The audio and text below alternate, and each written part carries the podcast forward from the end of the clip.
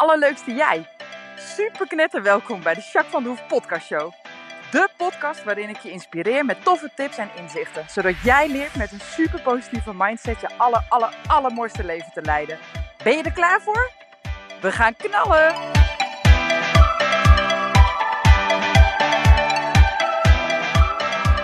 Hey, hey, hey, allerleukste jij. Super mega welkom bij deze nieuwe podcast, podcast 159.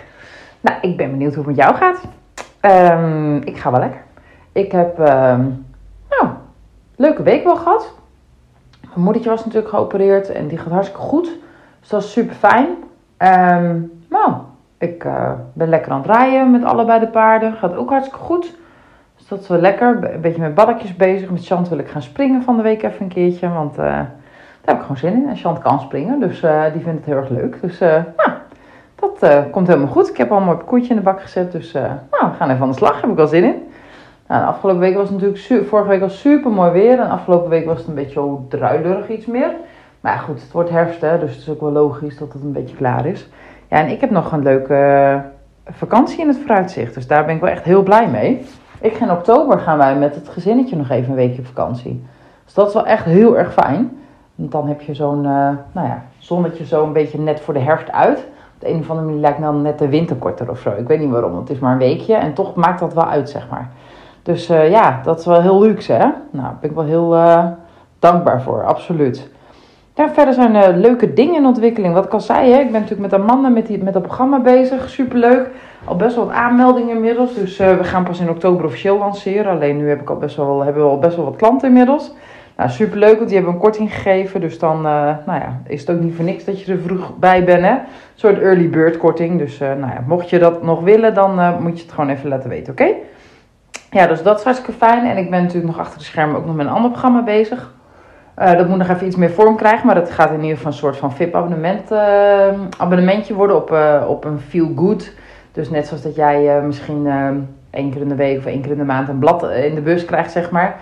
Krijgen we mij elke dag of in ieder geval elke week inspiratie. Nou, dat lijkt me wel super gaaf. Dus daar ben ik volle bak aan het ontwikkelen. Nou, één die loopt natuurlijk bij mij stage. Gaat ook heel goed. Die is ook veel aan het uitzetten en aan het regelen en aan het doen.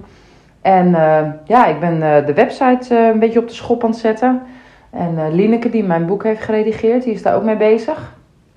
veel nieuwe teksten een beetje aanscherpen en weer af. Beetje nou ja, up-to-date, zeg maar. Mijn website die stond al een tijdje inmiddels. Ik denk al een jaar of vijf of zo, denk ik. Vier, zoiets. Dus dat werd echt hoog tijd. En ik heb mooie nieuwe foto's. Dus dat vind ik ook meteen een mooi moment om de boel weer eens even te regelen. En ja, verder ook gewoon leuke dingen voor mezelf, weet je. Gewoon lekker, ja, gewoon fijne dingetjes. Lekker chill. Nou ja, met de kinderen gaat het goed. En fijn om aandacht en tijd met ze te besteden. En ja. Ja, dus echt wel top. Ja, zeker. Aanstaande zaterdag ga ik met Janne weer uit eten en stappen in Utrecht. Nou ja, stappen.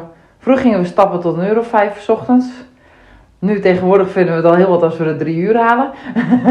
maar het is wel altijd heel gezellig. Jan is ook echt uh, super uh, enthousiast, super leuke vrouw. En ook echt iemand die onwijs veel vakkennis heeft. Dat vind ik ook heel tof om, nou ja, om met haar te levelen en te sparren. En gewoon over leuke dingen te hebben. En ja, zij stelt ook goede vragen altijd. En dat kan ik ook wel. Dus dat is echt wel leuk. Ja, dus dat is tof. Heb ik wel zin in. Ik zal volgende week, als ik het niet vergeet, te, even vertellen hoe het ging. hey, ik nou, wilde even weten hoe het met jou is. Waar ben je mee bezig op het moment? Wat houdt je bezig überhaupt? Zit je er een beetje lekker bij? Of spelen er wat dingetjes? En kan je er wat aan doen? Hè? Heb je er invloed op? Of eigenlijk helemaal niet? Nou, daar ben ik gewoon heel benieuwd naar. Dus laat het gerust weten alsjeblieft. Nou, ik kreeg de laatste tijd ook best wel een paar keer een leuke of een mooie vraag hè, van jullie. En daar ben ik heel blij mee, want daar kan ik wat aan doen. Die kan ik meenemen in mijn podcast. En dan kan ik uh, een mooie podcast over jouw vraag, over jouw thema opnemen. Dus uh, doe dat gerust. Hè. Ik heb altijd zat thema's die ik interessant en mooi vind om uit te werken. Maar mocht je zeggen, nou, ik uh, wil eigenlijk wel dat je hier en hier iets over vertelt. Of hé, hey, ik loop daar en daar tegenaan. Nou, laat dat alsjeblieft weten. Misschien moet ik ook weer, ik schrijf meteen op, misschien moet ik ook weer vaker QA's gaan geven. Want dat is ook leuk, hè? Dan krijg je gewoon een paar vragen van mensen. En of je dat anoniem doet of uh, onder naam dat maakt me dan niet zo heel veel uit. En dan kun je uh, nou ja, gewoon wat antwoorden krijgen zeg maar, op, op de vraag of het thema waar je mee bezig bent. Uh, in ieder geval hoe ik erin sta of wat ik ervan weet. Of misschien heb ik een tip of een advies voor je. Nou, dat kan hartstikke waardevol zijn en dat kost je helemaal niks. En heel veel andere mensen die dan zo'n podcast lezen, luisteren, lezen natuurlijk, luisteren, die hebben er dan ook wat aan, toch? Dus dat is hartstikke lekker, alleen maar fijn, toch? Dat is alleen maar ideaal. Dan inspireer je elkaar ook nog eens een keer. Dus uh, doe dat gewoon, oké? Hey, um, ik ben ook even benieuwd hoe het Inside You gaat. En daarvoor wil ik even inchecken. Je mag wat mij betreft, als je zit, dan kun je misschien je ogen even sluiten. Maar als je staat of loopt, dan zal ik ze open houden. Liggen kan ook nog. Kan je ze ook sluiten meestal. Hmm. Voel maar eens wat er in je lichaam gebeurt.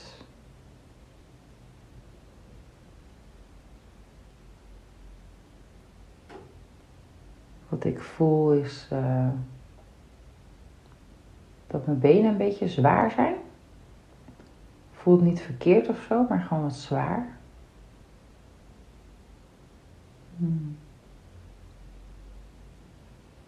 Ja. Verder voel ik me eigenlijk wel fijn. Ik ben wel relaxed eigenlijk, rustig. En dat voel ik van binnen ook. En jij? Wat voel jij bij jezelf? En merk je dat er iets is waar je wat mee te doen hebt? Of is het gewoon goed zoals het is? Super fijn dat je daar even goed kort op zit. Hè?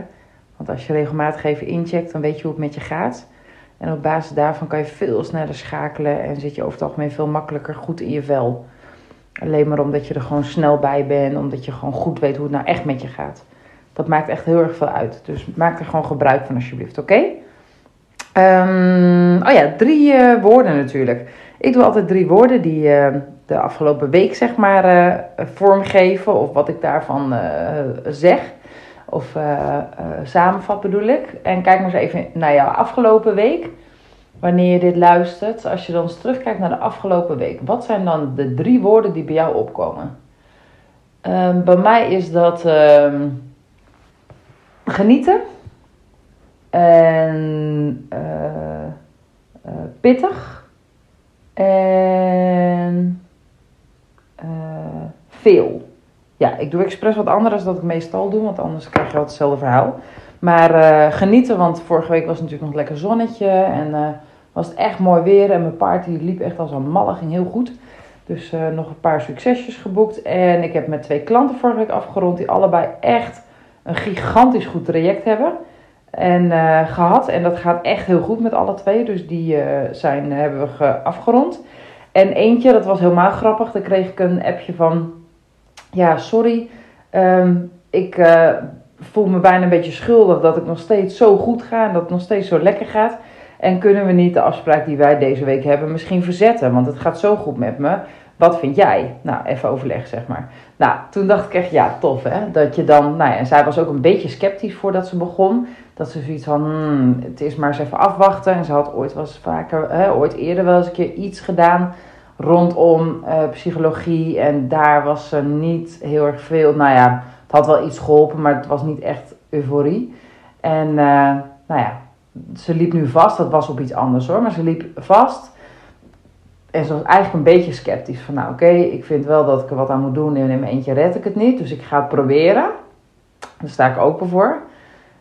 Maar ik wacht het wel een beetje af. Ik weet het niet of, dit, uh, hè, of je echt wat kan betekenen voor me. Niet zozeer om mij. Ik had niet het idee dat ze op mij persoonlijk. Maar meer gewoon, ja, wat kan een ander jou nou leren? Je moet het toch zelf doen, zeg maar. Een beetje die uh, instelling had zij. En dat is natuurlijk ook zo. Alleen als je hulp krijgt, als iemand je een beetje met je meedenkt. Uh, en überhaupt hè, waardevrij is, oordeelvrij is. Ja, soms komen er dan hele verrassende en fijne dingen uit. Hè? Dus uh, nou ja, dat was voor haar zeer zeker ook. Want ze is een paar keer geweest, nog helemaal niet zo vaak. En we hadden dus eigenlijk voor deze week afgesproken. Maar ze zei van ja, het gaat zo goed. En, uh, dus nu heb ik gezegd van nou, dan schuif je hem nog eens twee weken op. En dan gaan we eens kijken of het dan, nou ja, uh, nog steeds zo goed gaat. Of dat je dan toch nog even wat nodig hebt. Of ja, nou ja, goed. En als dat goed blijft gaan en we hebben niet zoveel meer te doen, ja, dan gaan we afronden. Want ik ga niemand langer vasthouden dan dat nodig is. Ik moet wel echt bijdragen, want anders dan is het zonde van je tijd en geld en energie dat je hier komt. En voor mij ook, toch? Dus wat dat gaat, eh, ben ik daar wel echt. eh, ik zal niemand te snel afzwaaien. Want soms moet je ook even een beetje vertrouwen opbouwen. Hè, dat het echt is. Hè, als het echt goed gaat, dat het goed blijft gaan. En anders dan eh, gaan we gewoon lekker afronden. En ik ben natuurlijk super laagdrempelig en toegankelijk. Hè, dus als er toch wat is, hè, we hebben afgerond. En nou ja, zoals nu toevallig vandaag heb ik ook iemand. Die heb ik twee jaar geleden heb ik die gehad. En die gaat onwijs goed. Al heel lang af en toe appen nog eens even. En die zei, joh, ik zou toch nog eens even één dingetje met je willen uitpluizen. Kun je gewoon eenmalig afspreken met me? Nou, prima, doen we dat. Dus zo, weet je, dat kan ook, hè. En dat kan ook als het eh, kort na het traject even een beetje minder gaat, zeg maar, hè. Dat mag altijd. En we appen sowieso, hè. Als je op mijn traject hebt gezeten, dan kun je ook gewoon eh, een berichtje sturen. En dan eh, kan ik even met je meedenken of iets dergelijks, hè. Dus sowieso doe ik dat. Hey, ik wil het vandaag eigenlijk hebben over trauma. Nou heb ik het veel vaker over trauma. Maar ehm, mijn collega's, eh, ik zit bij ehm eh Remy for You. En daar doe ik eh reïntegratietrajecten voor. En wij hebben een klein groepje met echt super fijne collega's. En die zijn allemaal echt ook super gespecialiseerd. Met name in de paardencoaching. Maar ze doen eigenlijk allemaal wel een specialisme erbij. En het grappige is dat wij in ons groepje allemaal eigenlijk wel een andere specialisme hebben. Dus dat is wel heel tof. Ik heb natuurlijk EMDR en hypnose daarnaast, zeg maar. Er is er eentje die heeft eh eh MBIT met eh hartcoherentie. Er is er eentje die is aanhalingscoach daarnaast nog. Er is er eentje traumacoach. Ehm zeg ik dat goed? Even kijken. Ja. Nou, er zitten nog meer expertise. Maar deze haal ik zo in ieder geval even naar voren. Eh, dus nou ja, echt super gaaf, want zo kan je ook wat van elkaar leren. En nou zijn er twee collega's namens ons eh, naar eh, Oxford afgereisd vorige week. Want die zijn naar het congres, traumacongres geweest. En nou ja, die hebben natuurlijk super enthousiast hun bevindingen en wat daar allemaal uit is gekomen verteld. En daar wil ik je eigenlijk een beetje meenemen. Nou, trauma heb ik het natuurlijk heel vaak over. Eerst eventjes weer om een kleine, hoe heet dat, je geheugen even op te frissen. Nou, wat is trauma? Ja, trauma is, eh, officieel staat het er eh, geschreven als eh, een schokkende gebeurtenis. Waarbij, je blijft steken in gevoel van angst, woede of eenzaamheid. Dat is heel kort door de bocht wat trauma betekent. Wat ik daar als kanttekening bij wil maken, heel vaak denken mensen dat trauma gebaseerd is op een ongeluk of een misdrijf of mishandeling of een eh, eh, misbruik of, of iets in die richting. Er is een keer of meerdere keren wat gebeurd en daarbij eh, heeft iemand echt iets heel heftigs dus meegemaakt.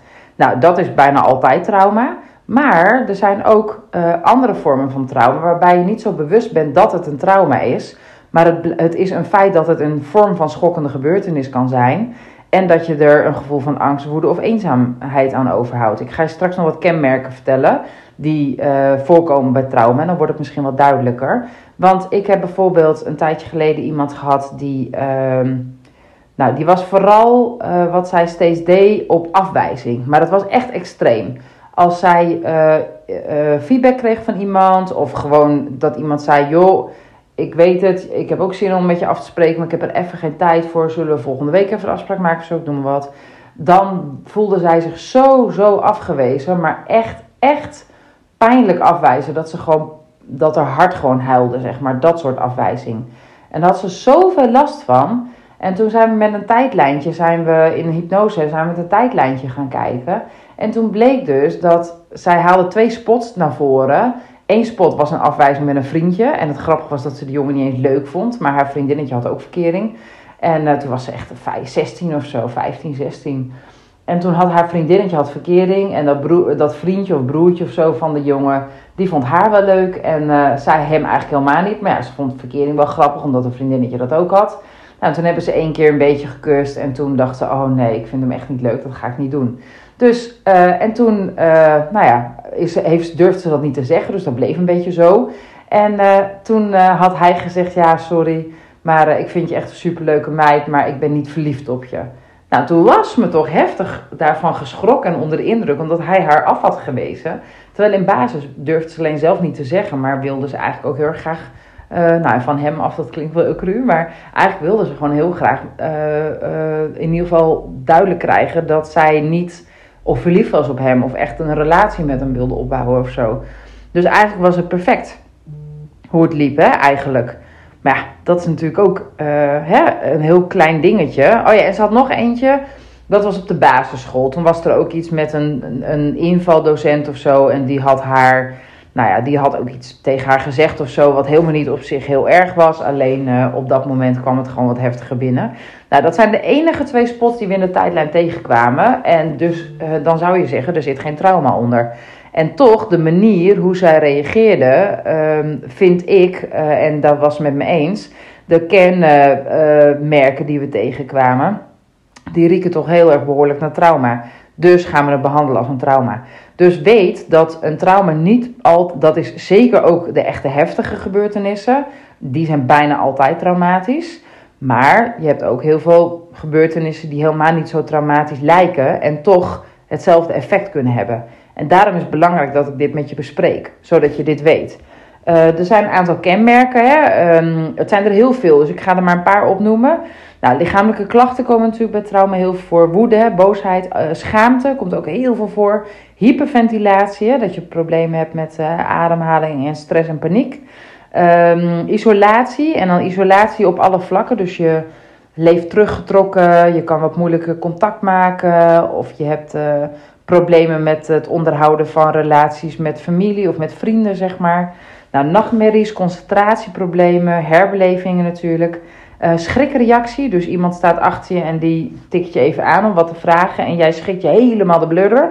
Nou, dat, hè, zulke heftige schrikreacties. Of als je een geluidje hoort of iets dergelijks, dat je echt heftig schrikt. Uh, nou, snel prikkelbare, dat is er ook eentje die we ook heel veel uh, zien in, in trauma, in kenmerk van trauma. Relatieproblemen, onderhouden werk is ook echt voor heel veel mensen een ding in meer of mindere mate. Verslaving is ook echt eentje die veel voorkomt als er een vorm van trauma onder zit. Vermoeidheid is er ook eentje. Nou, ik kan er echt nog honderdduizend benoemen, maar ik denk dat dit wel in ieder geval een greep uit, uit uh, de kenmerken zijn die, die je veel tegenkomt. Nou, en wat ik daar eigenlijk over wil vertellen, in Oxford uh, was dat congres, dat was vier dagen volgens mij, drie of vier dagen. Daar is heel veel aan bod gekomen en daar ga ik je, dat kan ik allemaal vertellen, maar daar zijn we een paar uur bezig. En ik weet niet in hoeverre dat zo technisch is dat ik niet weet of je er heel erg veel aan hebt, zeg maar. Maar de alle, de, er zijn eigenlijk drie, en dat was uit het congres misschien het meest verrassende. Er zijn eigenlijk drie uh, duidelijke pijlers die, die eigenlijk alle traumatherapeuten of wetenschappers die zich bezighouden met trauma over de hele wereld, want het was voornamelijk Engeland, Amerika, maar ook een arts uit Nieuw-Zeeland en uh, uh, best wel wereldwijd dus. Wat zij eigenlijk allemaal unaniem zeggen, dat zijn drie dingen die helpen bij trauma. En dan heb ik het nog los van behandeltechnieken. Hè? Dus echt gewoon wat je kunt doen en waar je op mag letten. Dat zijn sociale contacten onderhouden, want vaak vallen die weg als er uh, echt last van trauma wordt ervaren. Dus dat is een hele belangrijke. Magnesium slikken. Magnesium doet wat voor je spieren natuurlijk. Maar magnesium is veel meer dan dat. Het is ook een stressregulator. Uh, en wat er natuurlijk gebeurt, trauma zit eigenlijk altijd op je zenuwstelsel ook. Hè? Dus, uh, nou ja, en dat zenuwstelsel, dat uh, zorgt ervoor dat je sneller vlucht of sneller schrikt of sneller weggaat of vecht. Of weet je wel, dat doet dat zenuwstelsel. En op het moment dat jij magnesium gebruikt, dan wordt je zenuwstelsel rustiger, waardoor jij je prettiger voelt en minder last hebt van de, in ieder geval van de bijwerkingen van trauma. Zoals snelle reactie, et cetera. Uh, en bewegen. Bewegen is ook een hele grote. En dan kun je denken aan sporten bijvoorbeeld. Maar je kunt ook denken aan wandelen of yoga of maakt niet uit. Maar alle vormen van bewegen hebben echt heel veel zin. Dus ik denk dat dat eigenlijk al, nou, deze drie, die kun je zelf inzetten. Dat kost je misschien wat moeite. Maar mocht jij te kampen hebben met trauma of in ieder geval met wat kenmerken uh, die ik net heb genoemd. Ga dan eens kijken of je deze drie in ieder geval een beetje in zou kunnen zetten weer. Dus sociale contacten wat bewuster onderhouden, magnesium gebruiken en extra bewegen. Nou, daarnaast zijn er natuurlijk onwijs veel uh, behandelmethodes. EMDR staat tegenwoordig op nummer 1 behandelmethode als het om trauma gaat. Vroeger was het cognitieve therapie en tegenwoordig is dat, is dat EMDR. En dat komt omdat cognitieve therapie uh, een minder hoog slagingspercentage heeft en het duurt veel langer bij cognitieve therapie moet je toch echt wel aan nou, een jaar, anderhalf jaar zeker behandeling denken voordat het effect heeft. Um, en met EMDR zien wij natuurlijk dat het in een aantal weken, het ligt aan helemaal wat voor trauma, Maar sommige trauma's zijn met twee sessies opgelost. En sommige trauma's zijn natuurlijk wel meer voor nodig. Maar over het algemeen heb je met EMDR, nou, ik geloof dat uit onderzoek blijkt dat, dat 10 EMDR-sessies gelijk staat aan twee jaar cognitieve gedragstherapie, volgens mij. Dus nou ja, dat maakt wel uit, hè? Dan heb je een beetje een idee. Um, wat er ook wel, dat is ook wel leuk om een keertje op terug te komen, anders wordt deze podcast te lang. Uh, er werd op het congres ook veel verteld over uh, polyvagaaltheorie. Um, dat is een wetenschapper, Steven van Workers, Workers heet geloof ik. Nou, Steven Workers heet hij dan waarschijnlijk. Stefan, dat zal wel niet, hè? het is geen Nederlander. Oké, maar in ieder geval, uh, die heeft eigenlijk, uh, ja, de polyvagaaltheorie, dat wordt eigenlijk een beetje de wetenschap van veiligheid uh, genoemd. Nou, en het is eigenlijk een manier om naar de werking van het zenuwstelsel te bekijken. Uh, en deze reactie, zeg maar, erop. Nou, en, en het gaat eigenlijk vooral over veiligheid. Er zijn ideeën over hoe je dat zenuwstelsel veilig kan maken. Dat, hebben, dat zijn weer drie fases. Dat wordt veel te technisch om dat hier even snel 1, 2, 3 uit te leggen. Maar in ieder geval, uh, wat je doet, is eigenlijk op alle facetten die, die zenuwstelsels veiliger maken, waardoor je niet meer gaat vluchten of vechten of schrikken. Of, hè, dan wordt al die triggers, die worden dan veel meer uh, in balans gebracht. En je zult ook veel minder heftige reacties hebben, zeg maar. Die lokken de triggers niet meer uit. Nou, en dat is natuurlijk ook heel erg fijn. Uh, er wordt ook veel uh, polyverhaaltheorie samengevoegd met EMDR of met hypnose of ook wel met andere redtherapie ook bijvoorbeeld. Uh, dat is denk ik heel positief, want hoe meer je doet wat gewoon goed helpt, ja, des te beter. Hè? Flash hebben we het ook wel tegenwoordig, zien we het ook wel dat ze die combinatie maken. Ja, ik denk dat het alleen maar zinvol is. En zo zie je maar, en dat bleek in dat congres ook, en dat vind ik wel heel mooi, dat er gewoon meerdere manieren zijn hoe je uh, om kunt gaan met, uh, met de problematiek waar mensen tegenaan lopen. En hoe vet gaaf is het als we daar met z'n allen wat aan kunnen doen. En dat we het beter kunnen maken voor mensen, toch? Ja, ik word er echt intens gelukkig van. Daar ben ik heel blij mee.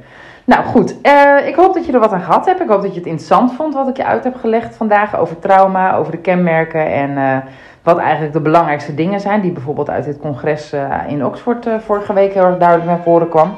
En nou, ik wacht jouw vragen af, want dan kan ik weer een leuke Q&A doen.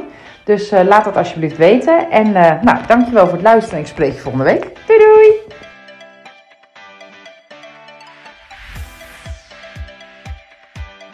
Nou, echt super mega bedankt voor het luisteren. Hopelijk heb je er heel veel aan gehad. En weet je, elk inzicht wat je krijgt is er één. En dat kan al super waardevol zijn. Wil je nou meer inspiratie? Of wil je door mij gecoacht worden om jouw issues om te draaien tot een kracht? En zo je echt de aller, allermooiste leven te gaan leiden? Nou, kijk dan op www.myimperium.nl Of volg me op Facebook, My Imperium, of Instagram, Jacques van der Hoef. Nou, en tot slot Deel alsjeblieft deze podcast met alle mensen waarvan jij denkt: oh, misschien is dit waardevol voor die persoon. Want zo help je mij onwijs mijn bereik te vergroten. En help je al deze mensen om extra inzichten en inspiratie te krijgen waar ze hopelijk heel erg veel aan hebben. Dus alsjeblieft, alsjeblieft, doe dat. En tot de volgende podcast. Doei doei!